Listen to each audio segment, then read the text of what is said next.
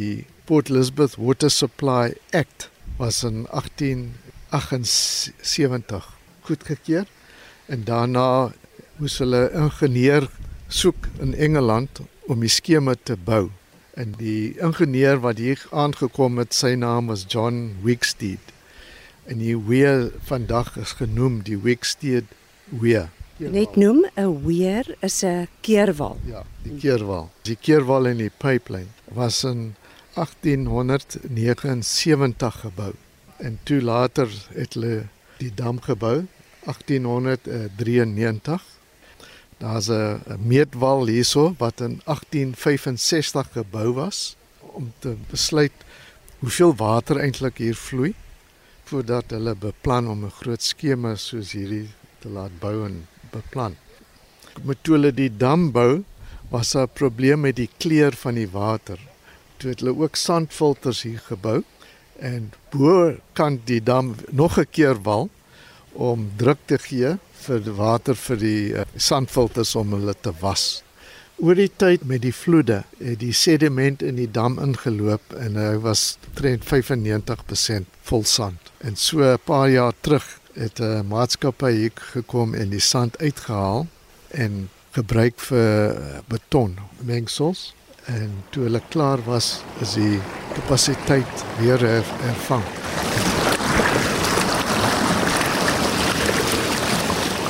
Dit is nou net bo die Nali waterval en net stroom af van die Wicksteed keermuur Wicksteed, ek kan verstaan hoe hy gevoel het toe hy hier eers uitgekom het en die water hier gesien het en te dink aan sy groot taak om hierdie water na die stad toe geneem.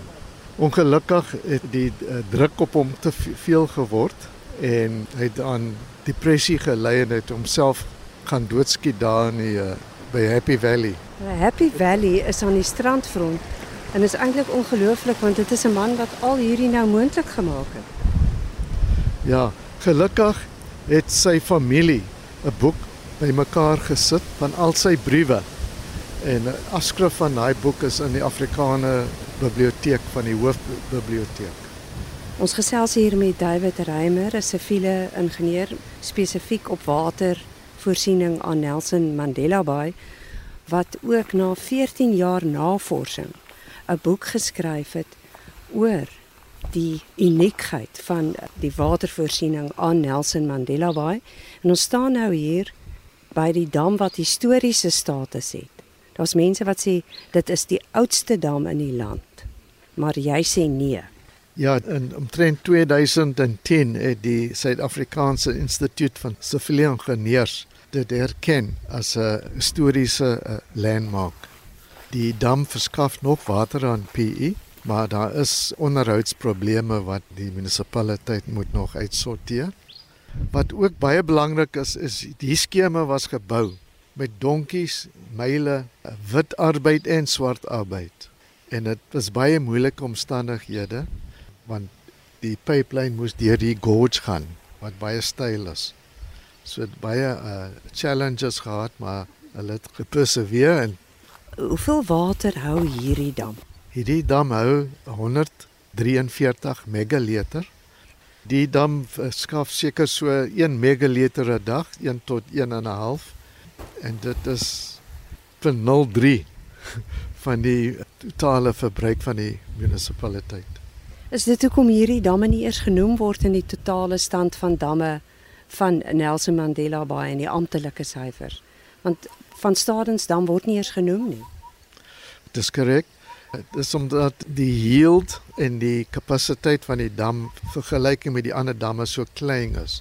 Maar met die droogte en jy kan sien nou hoe loop die dam oor.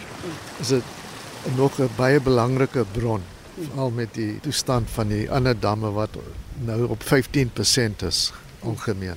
En jy sê dit is baie baie goeie kwaliteit water. Dis korrek.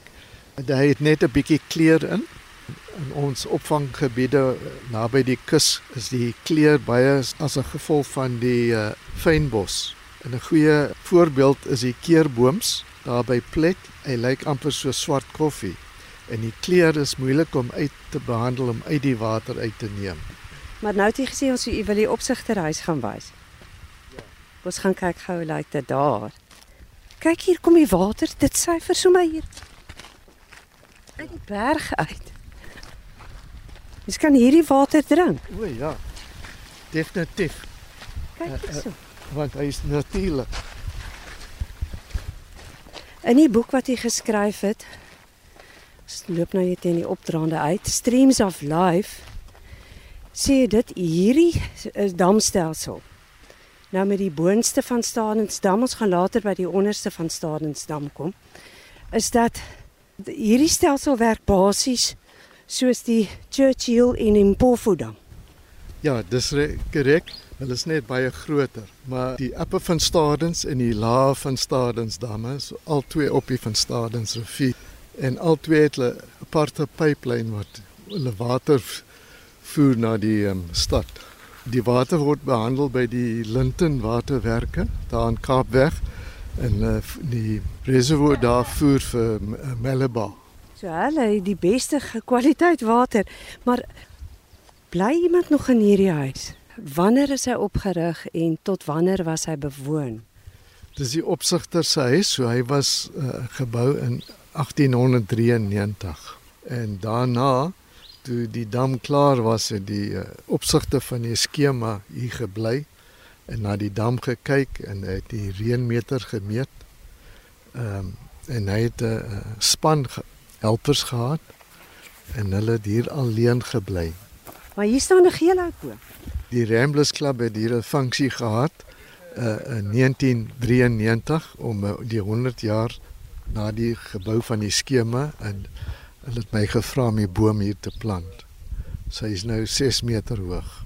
Maar vir u as 'n wateringenieur vir langer al as 25 jaar wat nog steeds konsultasiewerk doen. Wat is die gevoelens oor hierdie van Stadens rivierwaterstelsel? Wat vir my uh, belangrik is is toe ek navorsing doen en toe sien ek die uh, ou dokumente van die kontrakte en dit bly nog steeds die fondamente van siviele ingenieurskontrakte vandag dat jy tekeninge het, jy het 'n spesifikasie en the conditions of contract. En dit is net so in daai dae is soos dit nou is.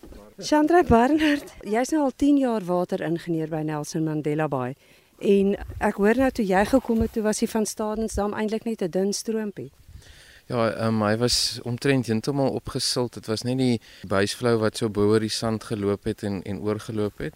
En as jy nou kyk hoe hy lyk, is obviously 'n baie groot verskil. So daar's nou baie meer water wat wat gehou word in die dam en so stadig sal hy ook dan nou weer die silt opvang. Ons het aan die agterkant is daar 'n klein weer wat ons ook skoon gemaak het en hy sal nou die sand vang. So hy gaan ons nou 'n goeie indikasie gee wanneer hy nou vol is, dan kan ons hom skoonmaak voordat die- die sand weer oorval in die dam in. So hopelik sal hy nooit weer lyk soos hy gelyk het 10 jaar terug nie.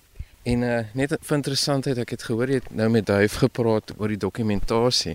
En vir interessantheid, ons het nog steeds die oorspronklike dokumentasie vir die caretakershuis wat deur die burgemeester geteken was in daai dae.